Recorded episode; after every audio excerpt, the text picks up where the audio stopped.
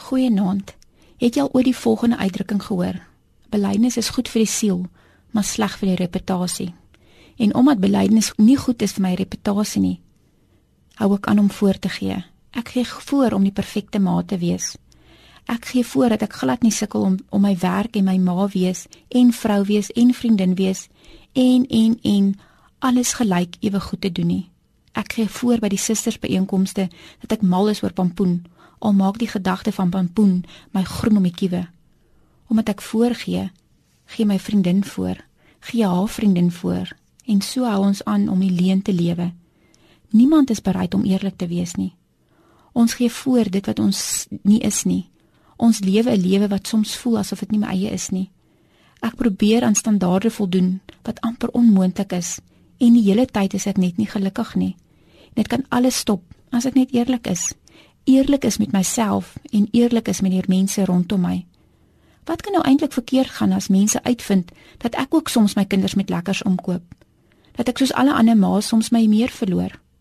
Of dat ek nie van pampoen hou nie, of broccoli nie, of kool nie, of wortels nie? sien, daar het ek dit hardop gesê en die wêreld het aanhou draai. Die probleem met voorgee en oneerlik wees, is dit al moeiliker raak om by te hou. Al moeiliker raak om te wees wie ek nie is nie. Ja, dis presies wat dit is. Voorgee is jok.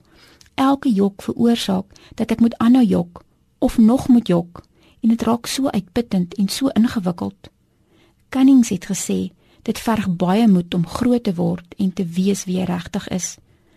Daar's wel goeie nuus ook. Net soos wat dit makliker word om voor te gee, net so word dit ook makliker om eerlik te wees oor wie jy is. Elke keer wat jy besluit neem om jouself te wees en jy sien mense is steeds vir jou lief, raak dit makliker. Dis belangrik om te weet dat almal nodig is, dat almal verskillende gawes en talente het en dat elkeen nodig is om die prentjie vol te maak. 1 Korintiërs 12 sê alhoewel daar een liggaam is, is daar baie verskillende lede. Ons almal kan nie oog wees nie.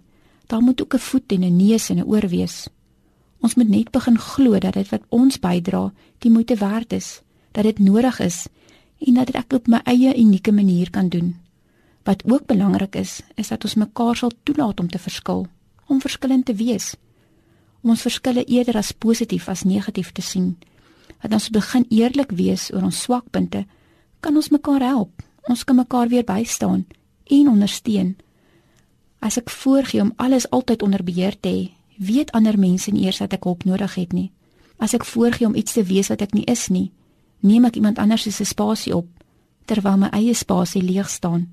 Ons almal het 'n baie belangrike plek in die koninkryk van God. My wens vir jou is dat jy dit gouer as later sal ontdek en dit begin geniet en voluit daarvoor sal gaan. Here help my om my beste self te wees. Amen.